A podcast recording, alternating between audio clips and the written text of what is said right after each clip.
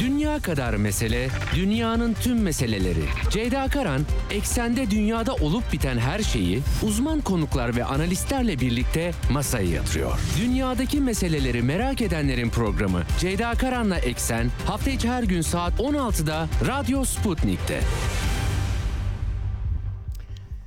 Eksenden merhabalar efendim. Bugün 13 Mart 2023 günlerden pazartesi yeni bir haftaya başlıyoruz. Geçtiğimiz hafta bir haftalık bir kaçamak yapmıştım. Bir kış tatili bir sağlık sorunu e, nedeniyle ama geri döndüm. Bir haftayı da toparlayacağım aslında. Size çok e, yoğun bir dış gündem vardı. Geçtiğimiz hafta Ukrayna çatışmasının küresel yankıları Çin'in e, barış tutum belgesi duyurulmuştu. Geçen haftaya ee, Çin diplomasisi damgasını vursa, vurdu desek yeridir. Cuma günü İran ve Suudi Arabistan arasında diplomatik ilişkilerin kurulması için Pekin'de yapılan görüşmelerin ardından bir anlaşma açıklandı. 2016 yılından bu yana iki ülke arasında diplomatik ilişki de yoktu. Tabii Amerikan yönetiminin Ukrayna çatışmasına odaklanmış Amerikan yönetiminin e, bir süredir Çin'le ilişkileri de gergindi. Dikkati oraya çevrildi. Çin'in bu arada Halk Çin Ulusal Halk Kongresi toplantısı ve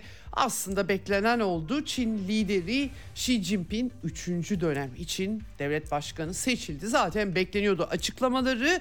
E, Çin'den gelen açıklamalar Amerikan yönetiminin küresel hegemonyasına meydan okuma, uluslararası küresel sistemi tırnak içerisinde demokratikleştirme, e, niteliğinde idi Rusya'dan tepkiler var tabii hepsini aktarmaya çalışacağım. Ukrayna çatışmasında Bahmut sahasında e, Rusya ve müttefik güçlerin Wagner müzisyenlerin ilerlemesi devam ediyor. Ukrayna'nın e, sıkışıklığı devam ediyor. Tabii e, Çin'in arabuluculuğunu Batı hoş karşılamadı. Tarafsız değilsiniz diyorlar Çin'e. Tabii Avrupalılar tarafsız mı o ayrı bir soru işareti. E, küresel yankılar bütün bu e, işlerin e, onları da e, not etmek lazım. E, çünkü e, Fed'in faiz arttırımlarına devam edeceği yolunda haberler e, tartışılırken bu sefer enteresan bir biçimde tam da Amerika'nın yine rekor düzeyde savunma bütçesi hazırladığı bir sırada banka iflasları haberi haberleri gelmeye başladı. Sistem çöküyor mu, çökmüyor mu? Tabii bunlar tartışmalı. Joe Biden'ın açıklaması olacak bu akşamda. E, fakat geçen haftanın bir başka konusu kuzey akım e, boru hatlarına yönelik Almanya ve Rusya arasında stratejik önemde sivil boru hattına yönelik terör saldırısı.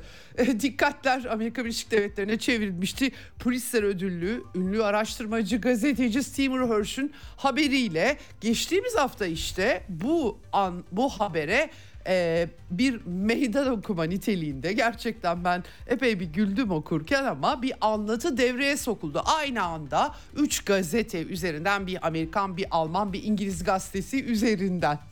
E, efendim e, Ukrayna yanlısı zengin bir iş adamının kiraladığı bir takım dalgıçlar ve nasıl taşıdıysa o kadar çok çünkü güçlü bir boru hattı bir yatla patlayıcıların götürülüp yerleştirildiği yolunda gerçekten enteresan tesadüf eseri Olaf Scholz da Amerika'ya gitti Beyaz Saray'da Joe Biden'la görüştü. Tabii bu boru hattı meselesi çok önemli. Gerçekten ben başından beri hep söylüyorum size. Yani Türkiye'nin kuzey akım hattının mesela kuzey akım hattı gibi mavi akım hattının havaya uçurulduğunu düşünün. Bütün ülkeyi etkileyen acayip bir iş ve tabii Amerika Birleşik Devletleri'nin bu işin içerisinde olduğu yolunda Seymour Hersh'ün haberi çok büyük rahatsızlık yarattı müttefik güçler arasında. Gerçekten çok önemli ve bu kadar önemsiz gösterilmesi de ayrıca soru işaretlerini arttırıyor. Bugün Almanya'ya bağlanacağız. Evrensel Gazetesi temsilcisi, Almanya temsilcisi Yücel Özdemir konuğum olacak. Almanya'da ilk başta çok Seymour Hersh'ün haberi görmezden gelinmeye çalışılmıştı ama gündem kaçılmaz olarak gündemi belirleyici bir hal aldı ve tabii bu anlatı, yat anlatısı, sahte pasaportlar filan gerçekten çok enteresan e, bir hal aldı. Kendisiyle konuşacağız programın ikinci yarısında. Tabii ki açıklamalar da var bu konuda. E, bu hafta Çin'e de bakacağız. Özellikle İran, Suudi Arabistan diplomasisi çok önemli gelişmeler var. E, Amerika'dan aynı şekilde onları da aktaracağım sizlere. Asya'dan gelişmeler var. Ekonomi bağlamında gelişmeler var. Yine Orta Doğu'da İsrail tam bir kaynar kazan halinde. Netanyahu hükümetine karşı sivil itaatsizlikler var. Çok yüklü bir gündem var. Bu hafta bunları da e, konuşmaya çalışacağım konuklarımla. Başlamadan yine frekanslarımızı tekrar edelim. İstanbul'dan 97.8, Ankara'dan 96.2, İzmir'den 91, Bursa'dan 101.4 ve Kocaeli'nden 90.2 karasal yayın frekanslarımız bunlar. Bunun dışında Sputnik Türkiye'nin web sitesi üzerinden dinleyebilirsiniz ekseni ya da Telegram hesabı aynı şekilde e, canlı yayınlanıyor. Kaçırırsanız sonradan bizi dinleyebilirsiniz. Dünya özetlerimizi ve konuklarımızla yaptığımız söyleşileri diyelim. Başlayalım eksene.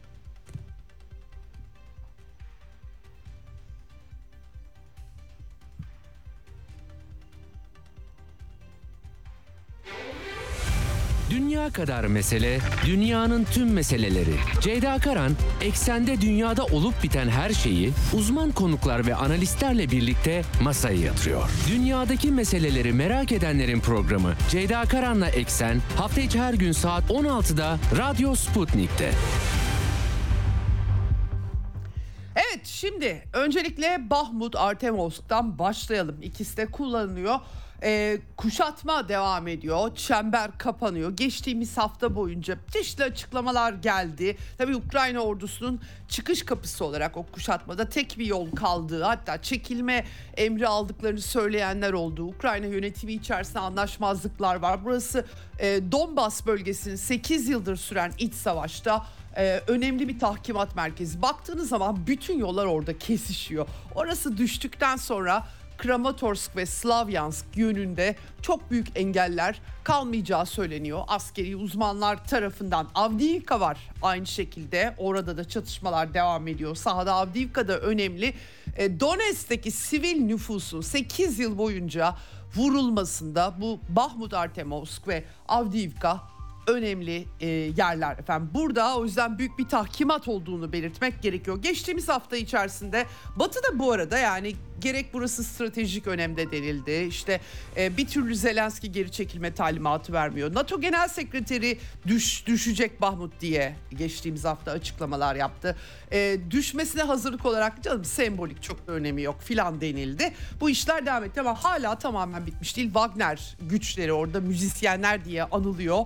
Prigozhin'in güçleri e, hatta işte e, kentin doğu kısımları da ele geçirilmiş durumda. Kasabanın daha doğrusu 70 e, bin nüfusu daha öncesinden bir kasaba. Ama dediğim gibi buraları e, e, kilit noktalar.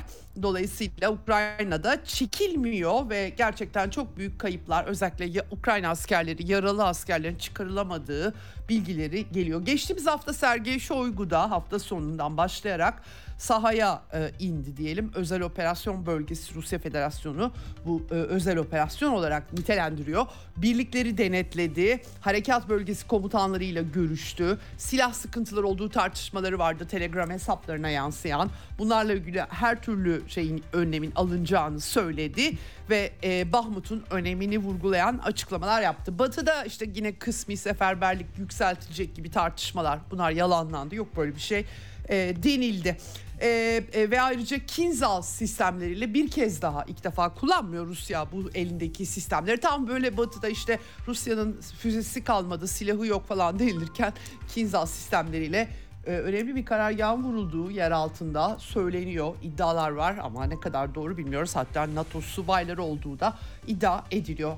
Esir takasları da yapıldı sahada böyle gelişmeler oldu. Bir önceki hafta yine Rusya içlerinde sabotajlar gerçekleşmişti.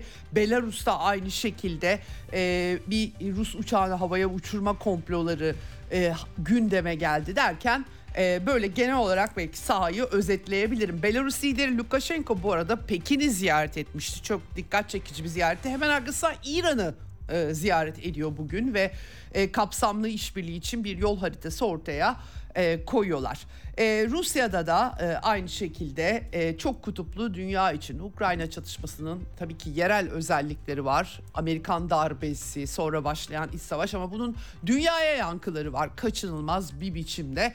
Bunların tartışmaları var. Amerika'da bu arada e, 8 Mart e, vesilesiyle bir e, kadın ödülleri verilirken Azak taburu yani neonazi güçleri Bunlardan birine de e, bizzat e, First Lady Jill Biden, Yulia Paevskaya, Paevskaya'ya ödül sunmuş. Tabi Rusya tepki gösterdi. E, Amerikalıların Nazizmi gayet iyi bildiklerini e, söylediği rezillik böyle bir ödül verilmesi e, dedi. E, Rusya karşıtlığıyla ilgili ırkçılık, Rus Rus karşıtlığı, Rusofobi hatta bu konuda bir BM toplantısı e, talep ediyor Rusya e, Federasyonu.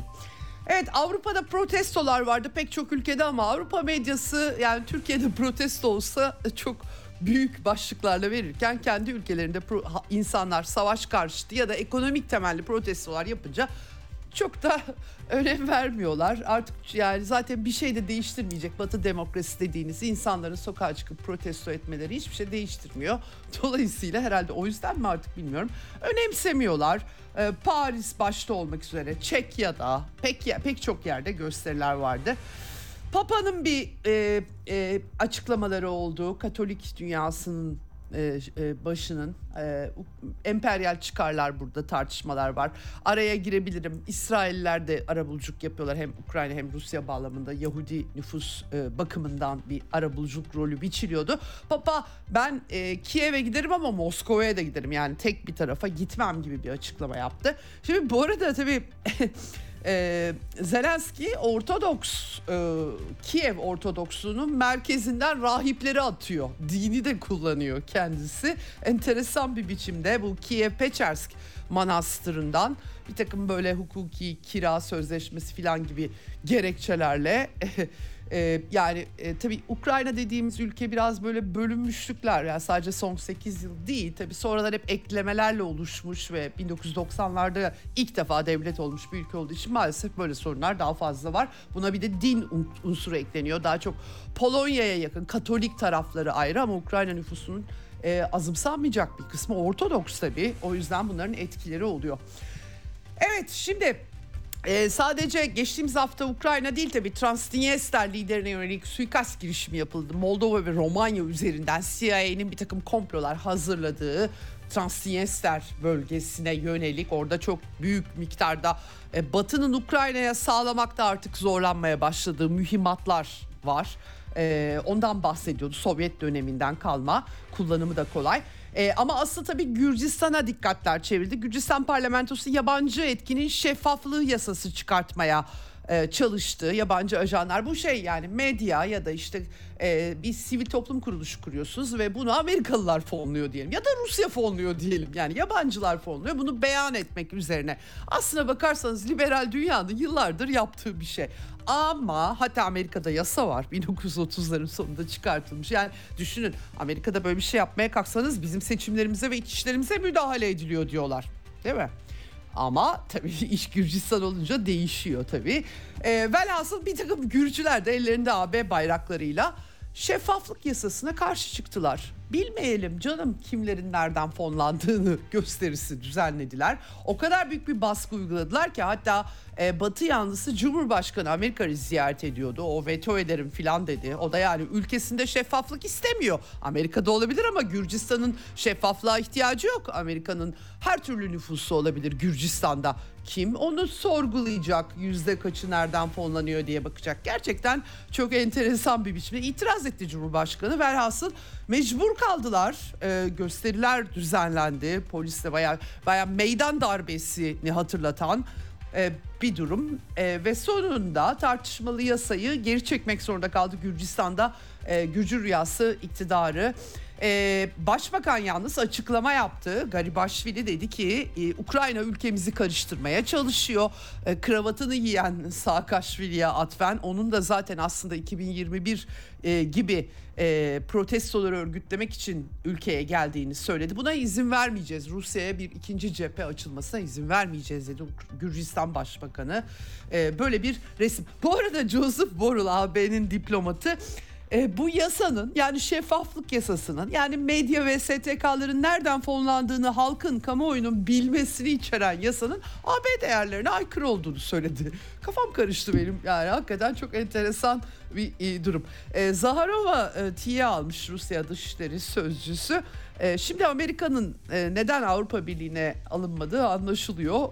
E, çünkü Amerika'da benzer bir yasa var. Demek ki AB değerlerine uygun değil. Gerçekten çok dramatik, gerçekten çok acayip. Neoliberal dünyanın artık hani e, e, palyaço niteliği mi ortaya seriliyor e, demeliyim bilmiyorum. Düşünün ülkenizde yabancı etkisini en azından göreceğiniz, yabancı fonları görebileceğiniz şeffaflık yasası çıkartmaya çalışıyorsunuz. Hmm, sakın ha Batı'nın etkisini kimse görmesin diye yasayı geri çektiriyorlar. Üstelik de bir takım vatandaşlarınız bunun kendileri için iyi olacağını ikna olmuş vaziyette protesto gösterisi yapıyorlar. Çok enteresan hakikaten. Evet, e, Batılıların çifte standartları ilkelerinin çok ötesinde onu ortaya seriyor. Bir de e, Azerbaycan-Ermenistan arasında ufak çaplı 5 Mart'ta bir çatışma yaşandı ama Rusya güçlerinin, barış güçlerinin devreye girmesi en son Paşinyan'la da Putin telefon görüşmesi yapmış. Yani Rusya etrafındaki o çember noktalarda e, anlaşılan o ki bir takım senaryolarda uygulanmaya çalışılıyor. Bir de Zelenski'nin e, Oscar törenine katılımını istiyorlardı video konferansta. Malum neden diyeceksiniz bir devlet başkanı olarak niye film festivallerinde çıkıyor? Öyle geçtiğimiz e, sene böyle bir tema işlendi. Pop nazizmin pazarlanması diyelim e, kabul etmemişler. Fakat tabii ödülü kime veriyorlar? E, kendisi Rusya'da Orta Asyalı ve göçmenleri böcek gibi terlikle ezdiği ya da silahla böcek vurduğu çok keskin nişancı ya videolar dolduran Nazi, ırkçı bunu da yalanlamayan Almanya ile beraber bir zehirlenme komplosu kurulmuştu iki sene önce. Sonra da tutuklandığı başka sebeplerden ötürü yolsuzluk ithamları Batı ile çok yakın çalışan bir isimdi. Ee, Rus ırkçısı Navalny'ye belgesel ödülü verdi Oscar e, için Hollywood. Çok şahane hakikaten liberal. Büyük olasılıkla ama ben size söyleyeyim tabii bunda sadece onların günahları yok. Medya çok önemli. Size gerçekleri anlatılmayanları anlatan bir medya yoksa Navalny'den bir kahraman çıkartabilirsiniz tabii ki. Bu Amerikan medyasının, e, Batı liberal medyasının görü hali gerçekten çok içler acısı. Kamuoyu da böyle işler yapabiliyor. Evet şimdi Geçtiğimiz hafta tabii e, Batı'dan çeşitli açıklamalar geldi. Mesela 9 e, Mart'tı yanılmıyorsam evet e, CIA direktörü William Burns 6 aylık kritik bir süreden bahsetti. Kongreyi bilgilendirirken Ukrayna çatışmasında. Batı'da şöyle Batı medyasındaki alt okumalarda işte Ukrayna Zelenski biraz gözden düşüyor gibi. Çünkü pop nazizm pazarlaması da pek işe yaramadı çünkü. Yani Bahmut falan düşerse başarı da olmayacak. Artık Batı'nın yardımları da yavaş yavaş gidecek. Hani son şeyler yaza kadar süresi var. Karşı saldırıda başarı olursa amenna olamazsa falan gibisinden e, bir takım görüşler ifade ediliyor. Tabii Amerikalılar yeni 400 milyon dolar değerinde askeri yardımda duyurmuşlardı Mart başında. Mühimmat sıkıntısı var ancak böyle bir şey. E, böyle bir sıkıntı var. Britanyalılar aynı şekilde işte uçak F-16 vermeyeceğiz yok gerek yok diyor Joe Biden ama bir yandan Ukraynalı pilotlara F-16 eğitim veriyorlar. Uzun vadeli tabii ki bütün bunlar. Patriot sistemlerinin Ukrayna'ya bir kısmının bir tanesinin ulaştığı bilgileri geldi. Ama Beyaz Saray Stratejik İletişim Direktörü John Kirby dedi ki Patriot sistemi balistik füzeleri engellemek için tasarlandı. Seyir füzelerine karşı o kadar etkili değil. Kesinlikle İHA'lara karşı etkili olmayacak. Bu zaman niye Patriot veriyorlar? Anlamadım yani gerçekten çok enteresan bir resim çıkıyor. Evet Amerikalılar bu arada istihbarat direktörü Avril Haines başkanlığında yıllık değerlendirme raporu sundular ve orada Rusya'nın nükleer cephaneliğinin gücüne vurgu yaptılar. Keşke işleri bu noktaya getirmeselerdi dünya barışında hepimizi de etkileyecek maceralara girişiyorlar efendim. Sonra da böyle analizler ortaya koyuyorlar. Ee, şimdi tabii e, hipersonik sistemler çok önemli. Amerikan askeri istihbaratı bunlardan sadece Rusya'da var diye kongreyi bilgilendirmiş. Denizaltılar aynı şekilde e, Rus nükleer denizaltı Amerikalılar için e, e, tehdit oluşturuyor Rusya'nın demişler. E, bu arada e, 12 Mart'ta da e, B-52 uçakları bombardıman uçağı Baltık Denizi üzerinden Rusya etrafını yoklayan bir uçuş gerçekleştirdi. E, böyle bir durum. E, ama tabii Amerika'nın dikkati Çin'e çevrildi. İlk baştan e, haftaya aslında Beyaz Saray'dan alaycı bir açıklamayla başlandı. Çin bir tutum belgesi yayınlamıştı. Masa kurmak için çatışmasını sona erdirmek üzere konuşmuştuk, aktarmıştım ben size. Ee, Beyaz Saray açıklaması Ulusal Güvenlik Konseyi Stratejik İletişim Direktörü e, John Kirby'nin açıklaması Çin'in Ukrayna'ya savunma konusunda yardım etmesini isterdik diye dalga geçercesine bir açıklama yapmış durumda. Avrupalılar da öyle diyorlar. Çok taraf tutuyorsunuz siz masa kuramazsınız diyorlar ama Avrupalılar tabii burada taraf tutmanın Allah'ını yapıyorlar. Gerçi onlar masa kurmaya da yeltenmiyorlar. O yüzden hani burada bir tutarlılık beklenebilir. Efendim e, şimdi e, öyle oldu ama Çin'le iş başları gerçekten dertte.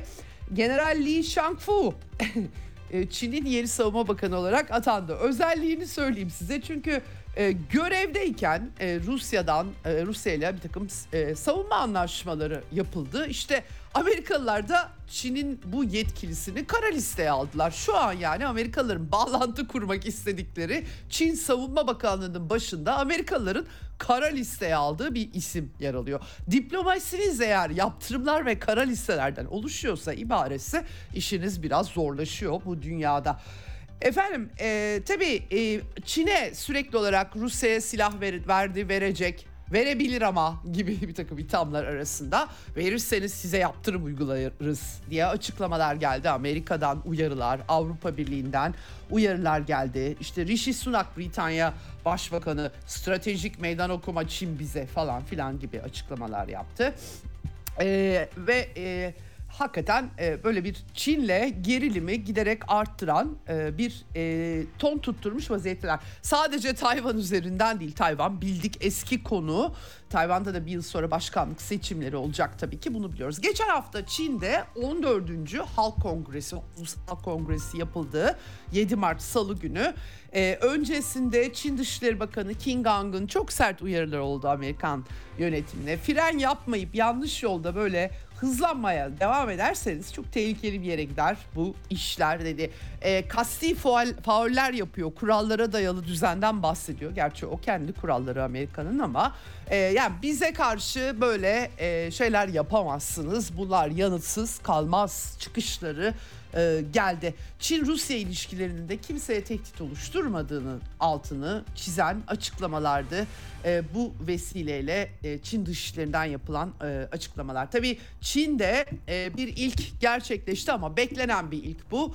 Mao'nun ardından Çin Halk Cumhuriyeti'nin kurucu lideri Mao'dan sonra ilk kez, üçüncü kez Xi Jinping 5 yıllığına başkan seçildi. Halk Kongresi'nde oy birliğiyle genel kurulda. Efendim e, e, önemli bir şey tabii aynı zamanda başkomutan e, Xi Jinping e, yeni dönemde Çin tipi sosyalizm konseptiyle yola çıkmıştı ve büyük bir kalkınma hamlesi aynı zamanda da e, dünyada Çin diplomasisini daha görünür kılan bir isim haline geldi. Şimdi e, önümüzdeki günlerde ki 21 Mart deniliyor tam e, tarihi belli değil ama Moskova'yı ziyaret etmesi bekleniyor.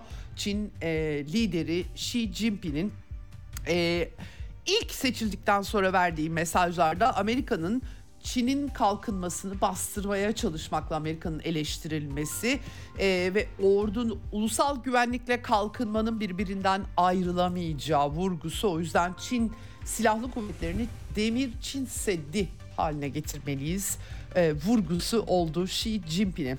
E, Asya'da tabii Güney Kore üzerinden de sular ısınıyor. Ortak tatbikat başlatıyorlar bugün Amerika ile Güney Kore. Kuzey Kore'nin de şakası yok. Bizi tehdit ediyorsunuz siz diye. Onlar da tatbikat yapıyorlar.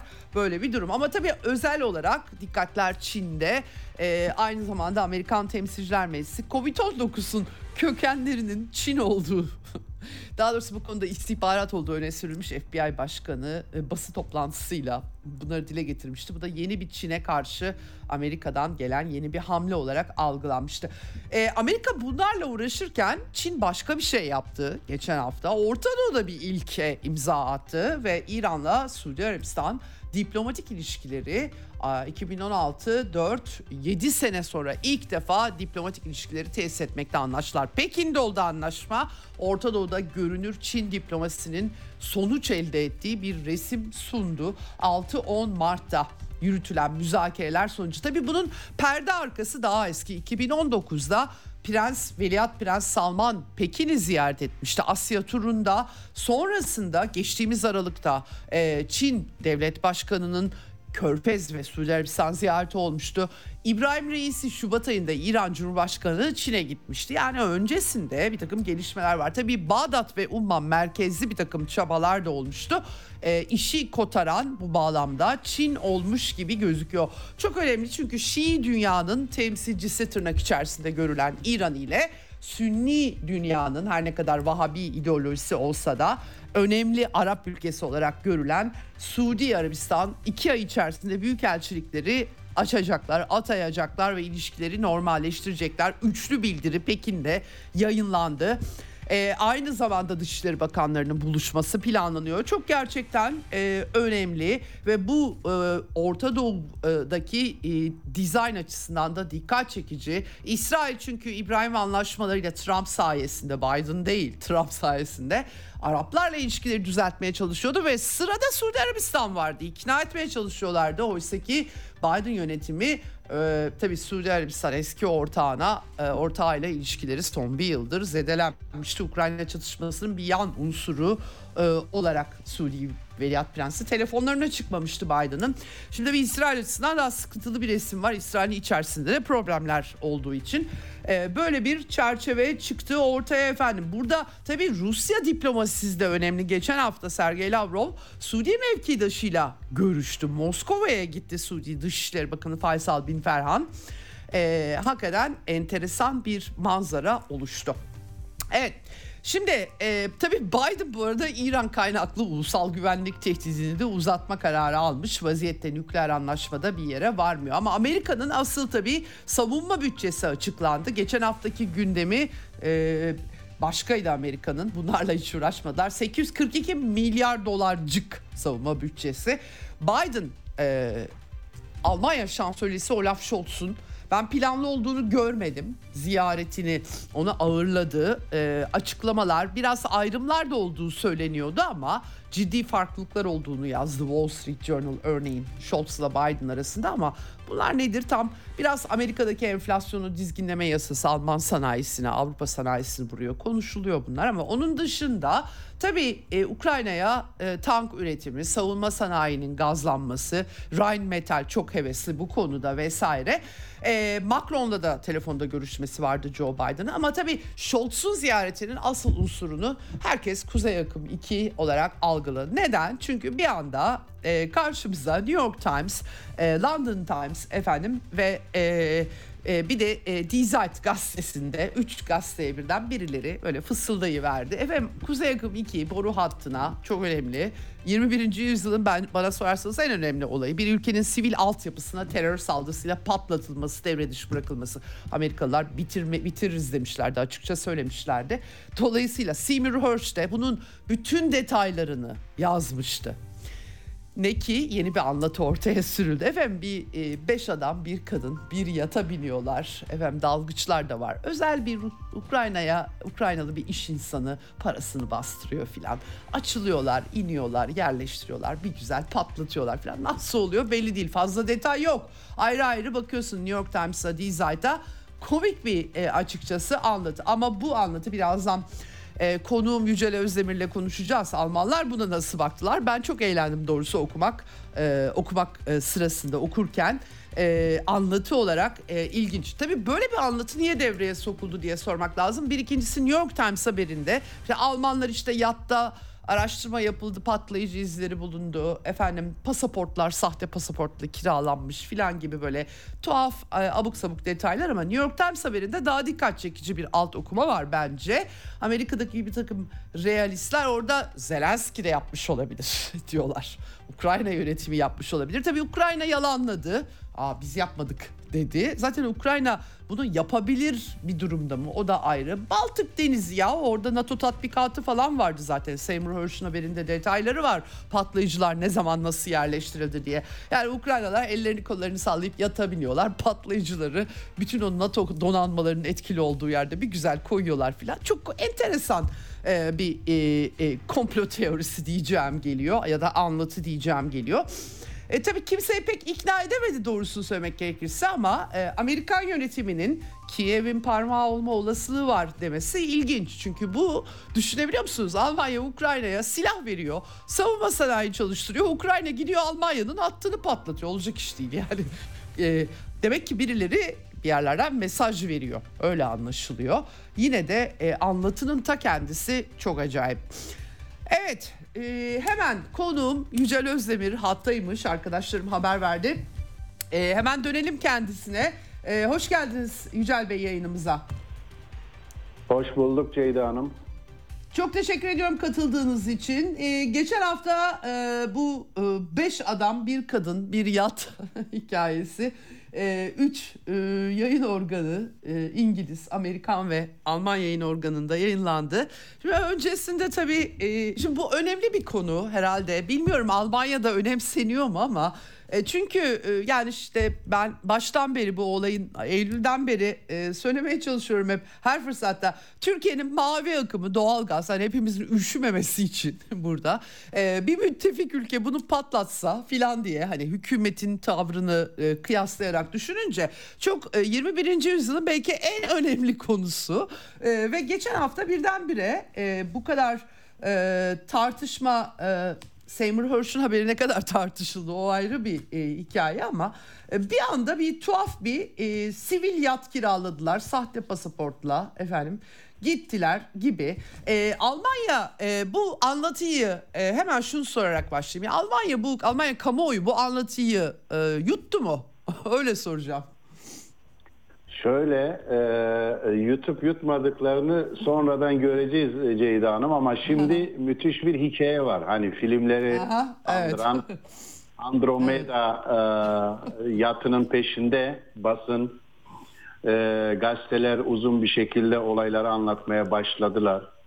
E, bu hafta Der Spiegel dergisi 3 sayfada bir ekibi bu işle görevlendirmiş ve onlar da epey ayrıntılı e, yatın altı e, Eylül'de kiralandığını, işte daha sonra Rügen Adası'na götürüldüğünü, oradan e, bazı kişiler görmüş de ama içinde bir kadın var mıydı yok muydu? O bile şu anda tartışmalı.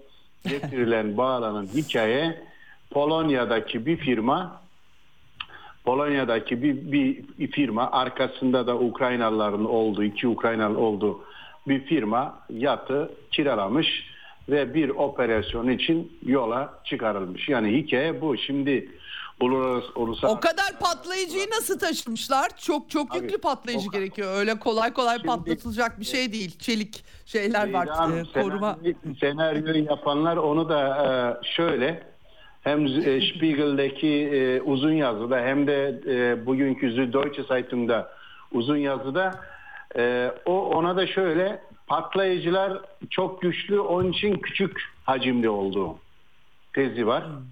Böyle bir şey ola- olabilir ya net bir şey yok ve patlamanın ne zaman uzaktan komanda mı hemen ayrıldıktan sonra mı bu konuda bir belirsizlik hala devam ediyor. Çünkü e, suyun 70 metre altına dalmanın çok basit bir iş olmadığını hepsi ifade ediyor. Yani bu çok böyle bir hemen e, birkaç kişinin gidipten basitten bir e, operasyon yapabileceği bir şey değil ve zaten ilk patlama olduğunda da herkes ya bunun arkasında mutlaka bir devlet var dediler. Yani. Bu devletin olmadan bu iş olmaz dediler. Şimdi o devleti o zaman Rusya olarak gösteriyorlardı. Ya kendi ürettiği malı Rusya neden patlasın, bombalasın böyle bir çılgınlık yapabilir mi? Ee, çılgınlık şimdi geri döndü Batı ittifakına. Acaba Evet. kim ne kadar e, bu meseleye yol verdi o tartışılıyor. Evet. Alman Evet. güvenlik birimleri de tabii ki konuyu araştırıyor. E, ama yani herhalde Almanya'nın güvenlik e, ekipleri içerisinde kimi muhaliflerde bu işin aslını bilenler olduğunu ve bir gün çıkacağını ortaya da söylüyorlar. Gerçek dediğimiz şey eninde sonunda dönüyor dolaşıyor tabii çıkıyor Hollywood filmlerindeki gibi de olmuyor ama e, Olaf Scholz Amerika'ya gitti. E, yani o nasıl Almanya'da yani Scholz'un böyle bir zamanlamayla gitmesi Biden'ın yanında bu sorulara da çok fazla sıkıştırılmadı Scholz açıkçası gördüğüm kadarıyla söylüyorum. Onlar nasıl algılandı? Doğrusunu sorarsanız e, yani bu gelişmelerle Almanya'nın çok fazla bilgiye sahip olduğu ortada. Net bir şekilde bence. Ben geçen hafta Evrensel'de yazdığım yazıda da bunu ifade ettim. Yani Almanya'nın elinde kuzey akım hatlarının patlatılması konusunda yeteri kadar bilgi var. Tahminim, iddiam tabii çünkü elimizde bir bilgi yok. Scholz e, alelacele meclisteki konuşmasından sonra Amerika'ya gitti. E. Yücel, Yücel Bey çok özür diliyorum. Bir sesinizde bir şey oluyor. Hemen arkadaşlar sizi bir, bir kere daha arasınlar. Hemen kaldığınız yerden devam edin olur mu? Sesinizde bir problem var galiba. Tekrar arayacaklar.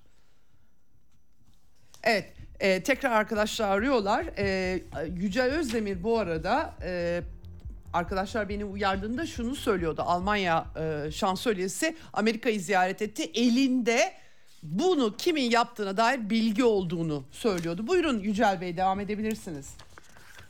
Evet yani Scholz'un Almanya Amerika ziyareti e, bilinmeyen bir ziyaretti. Çok fazla bilgi sahibi değildi ve normal bir ziyaret değildi. Bu çok net bir şekilde biliniyordu. Yanına gazeteciler de alınmadı. Evet. Hatta Scholz'un hangi havalandan gittiği vesaire bunlar da çok ayrıntılı paylaşılmadı. O zaman ve en önemlisi de hani bir politik bir ziyaret olmuş olsaydı e, Amerika Başkanı ile Scholz ortak bir basın toplantısı düzenlerdi ve ülkenin dünyanın Ukrayna'daki durum üzerine siyasi analizlerde bulunurdu ve bundan sonraki yol haritası konusunda biraz bilgi verilirdi. Ama bu sefer iki önemli ülkenin e, yöneticisi ortak bir basın toplantısı düzenlenmeden ayrıldılar. Bu tabii ki e, e, e, gazeteci olarak benim baktığımda hani normal bir durum değil ve e, anlaşılan o ki e, politik bir ziyaretten çok teknik bir ziyaret oldu. Bu teknik evet. ziyarette de muhtemelen Almanya kuzey akımına yönelik bu saldırılar konusunda elindeki bilgilerin büyük kısmını Amerika ile paylaşmıştır ve e, artık bir şeyler mi istedi? E, bir pazarlık mı yaptı? Ya da buna karşı nasıl bir yol haritası gere, e, izlenmesi gerektiği konusunda bilgi mi e, e, paylaşıldı bilemiyoruz. Çünkü ama dikkat ederseniz zaten New York Times'taki ilk bilgiler de Scholz'un ziyaretinden sonra çıktı ortaya. Evet. Yani Scholz'un e, Beyaz Saray'a verdiği bilgilerin New York Times'a Times'a e, kısa az bir şekilde daha üstü örtülü bir şekilde sızdırıldı. Sonra Almanya'da ARD ile e, Die Zeit gazetesi bu e, olanları daha ayrıntılı bir şekilde yazmaya başladılar.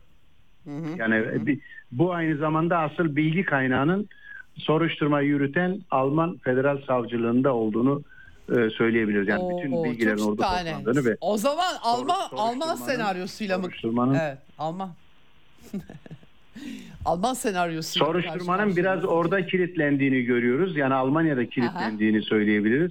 Almanya'nın nasıl bir tavır izleyeceği, ne kadar hareket edeceği bilemiyoruz ama ortada e, sırf öyle 6 kişinin yapmadığı, yapamayacağı e, mutlak arkasında devletlerin devletlerin olduğu, batılı istihbarat örgütlerinin olduğu bir tam bir tablo görünüyor. Az buçuk e, biliniyor aslında. Bunlar da bu da biliniyor çünkü e, e, e, gazeteciler de bunlar yazarken aslında biraz soru işaretleriyle ifade ediyorlar. Gerçek mi bütün bunlar?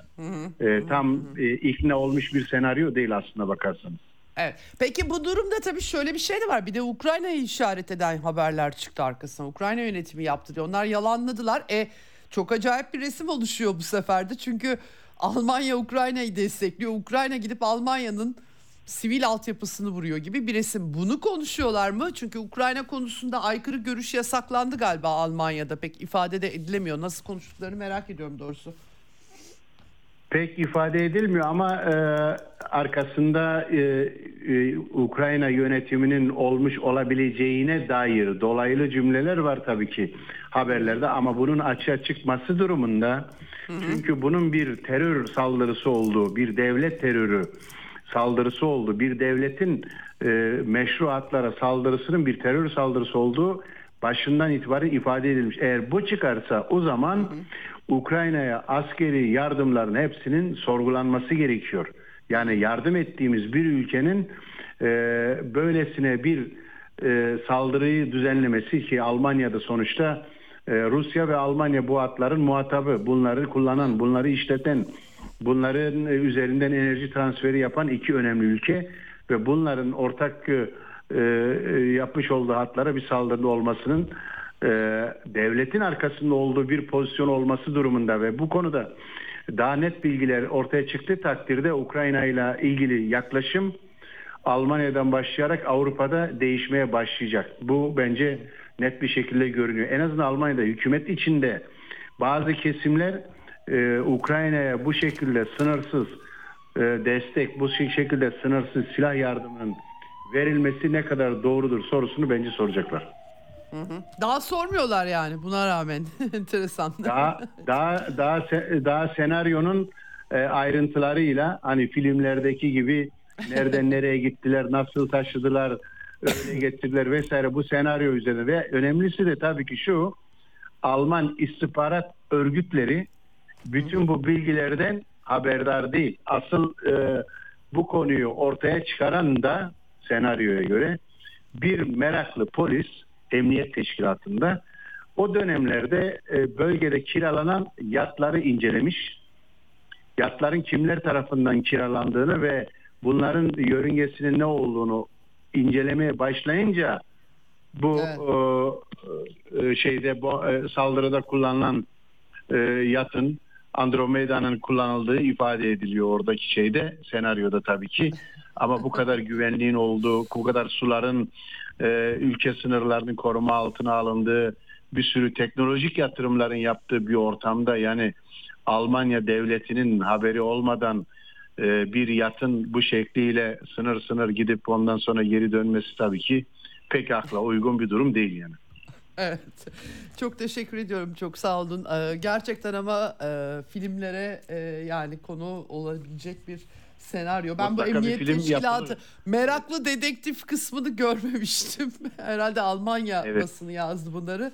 Onun için görmemiş olabilirim. İngilizcelerden baktım çünkü.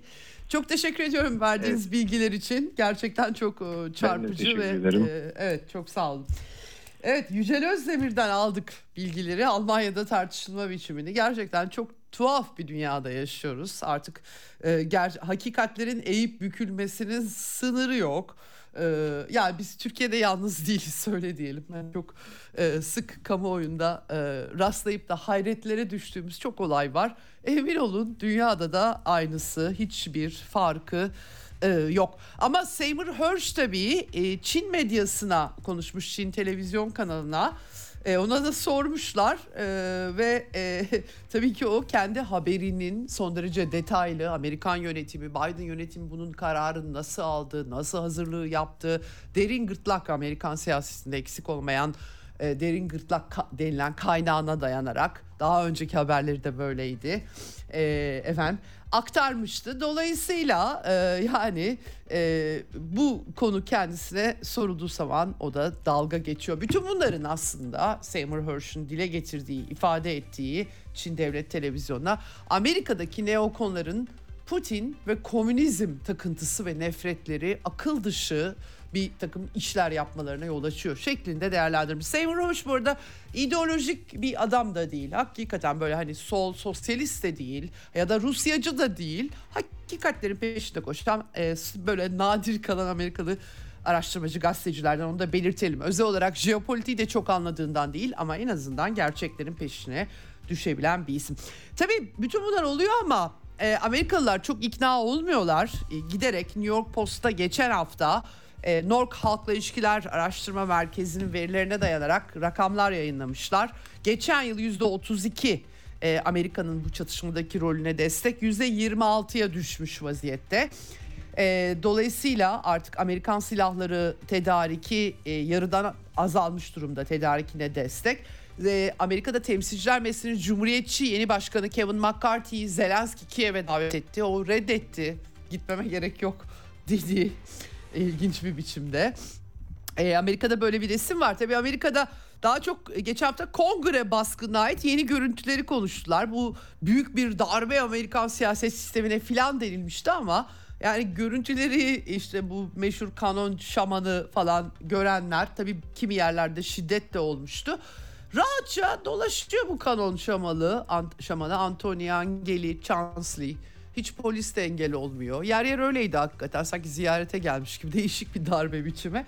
Tabii e, başka yerlerde çatışma çıkmıştı. İşte Cumhuriyetçiler de diyorlar ki FBI kışkırttı oralardaki çatışmaları. Aslında böyle bir şiddet doğası yoktu diyorlar. Yani Amerikan sistemi Trump'tan sonra böyle bunu bu tırnak içerisinde darbeden farklı bir biçimde kendini toparladı mı diye sorulan sorular olabilir. Tabii 2024 yaklaşıyor. Amerika içerisinde de işler kızışacak. Joe Biden'ın bir kanseri e, göğüs, e, göğsünden biyopsiyle bir lezyon alındığı e, bilgileri paylaşılmıştı ama o da aday olmakta kararlı. Ee, öyle gözüküyor. Demokrat cephede Amerikalı yazar, yazar Marianne Williamson aday olduğu e, resmen adaylığını duyurdu. Nikki Haley aynı şekilde Cumhuriyetçi Parti'den Trump zaten aday onu biliyoruz. Trump ayrıca ben seçilirsem Ukrayna çalışmasını 24 saat içerisinde bitireceğim diyor. Çok ısrarlı. Ee, gerçi yani e, belli bölgeleri e, Rusya'ya vermek lazım orada zaten Ruslar yaşıyor gibi sözlerini Fox News tıraşlamış. Yani Amerikalılar bilmesinler orada Rusların yaşadığını diye mi artık bilemiyorum ya da Trump biraz ileri mi gitmiş diye düşünmüşler. Onu tam olarak bilmek mümkün değil. Evet e, bu arada NATO içerisinde genel sekreterlik tartışmalarında Avrupa Birliği'nin demir lady'si von der Leyen ismi ortaya atıldı. E, kendisi komisyonun başında yaz aylarında görev süresi de bitecek. Oradan NATO'ya zıplayabilir mi? Savaşçı lady öyle demek lazım. Bojo'da Boris Johnson'da Ben Wallace'da NATO Genel Sekreterliği için adaylığa soyunuyorlar ama e, Biden zamanın ruhu bir kadın olsun demiş. Kadın olunca her şey değişiyor biliyorsunuz. Çok enteresan zamanlar gerçekten. Efendim geçen hafta Türkiye ile NATO'nun genişleme diplomasisi 9 Mart toplantısı Brüksel'de gerçekleştirildiği enteresan e, manzaralar oldu. Stoltenberg artık tamam İsveç sizin her istediğinizi yaptı. Bakın terörle mücadele yasasını da çıkartıyor. Avrupa değerleri, terörizm tanımı filan boş verin onlar geçti gitti zaten. Şimdiye kadar öyle diyorlardı çünkü. E, Vilnius zirvesi olacak Temmuz'da ona kadar Türkiye'den bir onay bekledikleri açıkla, e, belirtiliyor. İsveç Başbakanı biz yaptık zaten üstümüze düşenleri dedi ama İbrahim Kalın'ın açıklamaları Türkiye'nin 1 Haziran sonrasına kadar bekleyebileceğine işaret ediyor. Bilemiyoruz Türkiye'de de seçim süreci var. Dış politikaya nasıl yansıyacak henüz tam e, kestirmek zor fakat e, ortak mekanizma toplantıları devam edecek NATO'yla e, öyle anlaşılıyor ve e, İbrahim Kalın'ın da Brüksel'de daha sonra toplantı sonrası verdiği mesajlarda Türkiye'nin NATO'nun genişlemesini ne kadar desteklediğini vurguladığı mesajlardı. Biraz dediğim gibi e, tabii bizim de istediklerimiz var yapılması gerekiyor vurgusunu eksik etmedi. Amerika ile de pazarlıklar var F-16'lardan tutalım da onu da Hulusi Akar dile getirildi. Dile getirdi güçlü Türkiye güçlü NATO demektir bize uçakları vereceksiniz ki biz de güçlü olacağız şeklinde e, açıklamaları e, oldu. E, F-35 programından çıkartıldı Türkiye ama Amerika parasını da iade etmiyor müttefikinin. Yani Almanya'ya Kuzey Akım 2 saldırıları falan diyorsunuz. İşte bizim de Türkiye'nin de parasını vermiyorlar geriye. Bu da enteresan. Efendim Amerika'da tabii sıkıntılar var. Fed geçen hafta daha fazla faiz arttırımı gerekli açıklamaları arka arkaya geldi.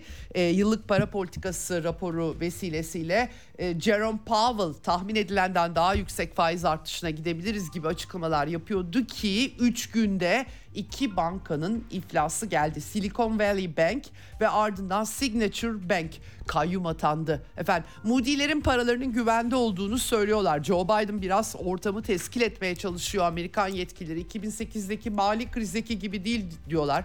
Biliyorsunuz kapitalizmde piyasaya müdahale olmaz. Her şey deregüle Amerika'da ama nedense vergi mükelleflerinin paralarından bankalara müdahale edebiliyorlar sıkıştıkları zaman böyle bir neoliberal düzen e, bu eninde sonunda. Bu iş bir de İsrail'i de etkilemiş. Ben benim dikkatimi çekti. İsrail medyasında Silicon Valley Bank'in özellikle çöküşüyle İsrail hükümeti harekete geçmiş. Neden? Çünkü e, İsrail'de yüksek teknoloji yatırımları çok fazla ve bu banka orada şubesi de var. Çok etkili rol oynuyormuş. Önemli bir finans kaynağı özellikle yerel işletmeler açısından risk sermayesi destekli şirketlere destek açısından dolayısıyla İsrail'deki firmaları nasıl etkileyecek diye tartışmalar olduğunu belirtmek lazım ve Avrupa'da da banka hisselerinde büyük düşüşler bugün itibariyle yaşanıyor gözüküyor. Joe Biden çıkıp açıklama e, kısmen yaptı tabii ama sorumlulardan hesap sorma başta olmak üzere Amerikan yönetimi tepkileri e, dindirmeye çalışıyor. E, Rusya yaptırım savaşı açıldı. Rusya batmadı. Yavaş yavaş tabii esprileri yapılıyor. Batmış değil ama bankacılık sisteminde böyle sıkıntılar belirmiş durumda. Amerikalı ekonomist Ryan McMahon e, demiş ki valla her şeyde yanıldılar. Bütün öngörülerinde yanıldılar Amerikalı yetkililer. Demiş hakikaten Rusya'nın ithalatının 2020 seviyelerine geri döndüğü, petrol işlemesi başta olmak üzere Asyalı pazarlarda petrolün fiyatının da tavan fiyatı e, ta, çok uygun olmadığı, o tavan fiyatını da doğru düzgün işlemediği, Hindistan'la ulusal para birimi üzerinden petrol anlaşmaları yapılmasına uzanan pek çok gelişme var. Bir e, Türkiye'den yalnız doğalgaz transfer merkezi deprem gerekçesiyle rafa kaldırılmış gözüküyor. Bazı malların da yaptırımlı malların da Türkiye üzerinden Rusya'ya geçişinin durdurulduğu yolunda iddialar ortaya e, atılıyor bunu göreceğiz. Ve e, tabii son olarak Türkiye Orta Doğu diplomasisinde e, önemli e, geliş e, bir gelişmede Dışişleri Bakan Yardımcısı düzeyinde, teknik düzeyde Moskova'da Suriye Türkiye uzlaşması için görüşmeler yapılacak. Bu e, açıklama geldi. E, e, e, 15-16 Mart'ta yapılacak. Bu Dışişleri Bakanları toplantısının önünü açma e, heves e, amaçlı. İran Dışişleri Bakanı da Türkiye'yi ziyaret etti geçtiğimiz hafta deprem, deprem yardımları ve ayrıca e, tabii Suriye e, diplomasisi e, burada kullanıldı. E, özellikle Amerikan yönetiminin de Mart başından itibaren Genelkurmay Başkanı Mark Milley'i Suriye'nin kuzeyine yollaması, PYD, YPG ile temasları, Türkiye'nin neden gitti sorguları oldu ama e, bunları bu hafta e, zamanımı da doldurdum. E, Orta Doğu gelişmelerine İsrail dahil olmak üzere yarın İsrail'e bakacağız. Orada sivil itaatsizlik e, isyanı var Bibi Netanyahu hükümetine. Bunları konuşacağız, bakacağız. Bugünlük dünyadan, haberlerden bu kadar. Bizden yarın görüşmek üzere, hoşçakalın. Ceyda Karan'la Eksen sona erdi.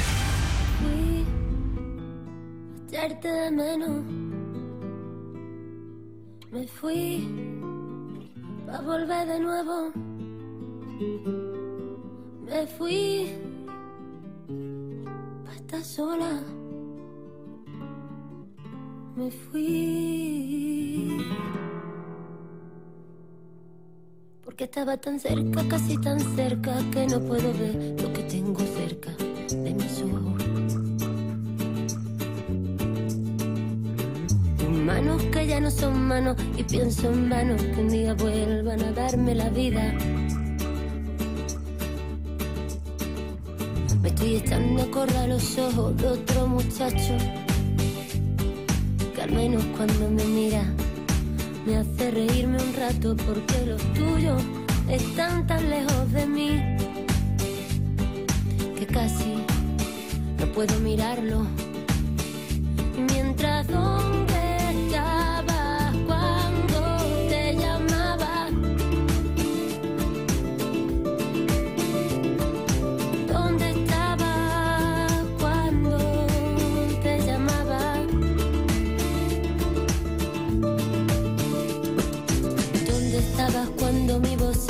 tan pequeña que no salía y se ahogaba en una habitación o dentro de mí. ¿Dónde estabas cuando dormías a mi lado? Y yo no podía dormir. ¿Dónde estabas cuando te escuchaba palabras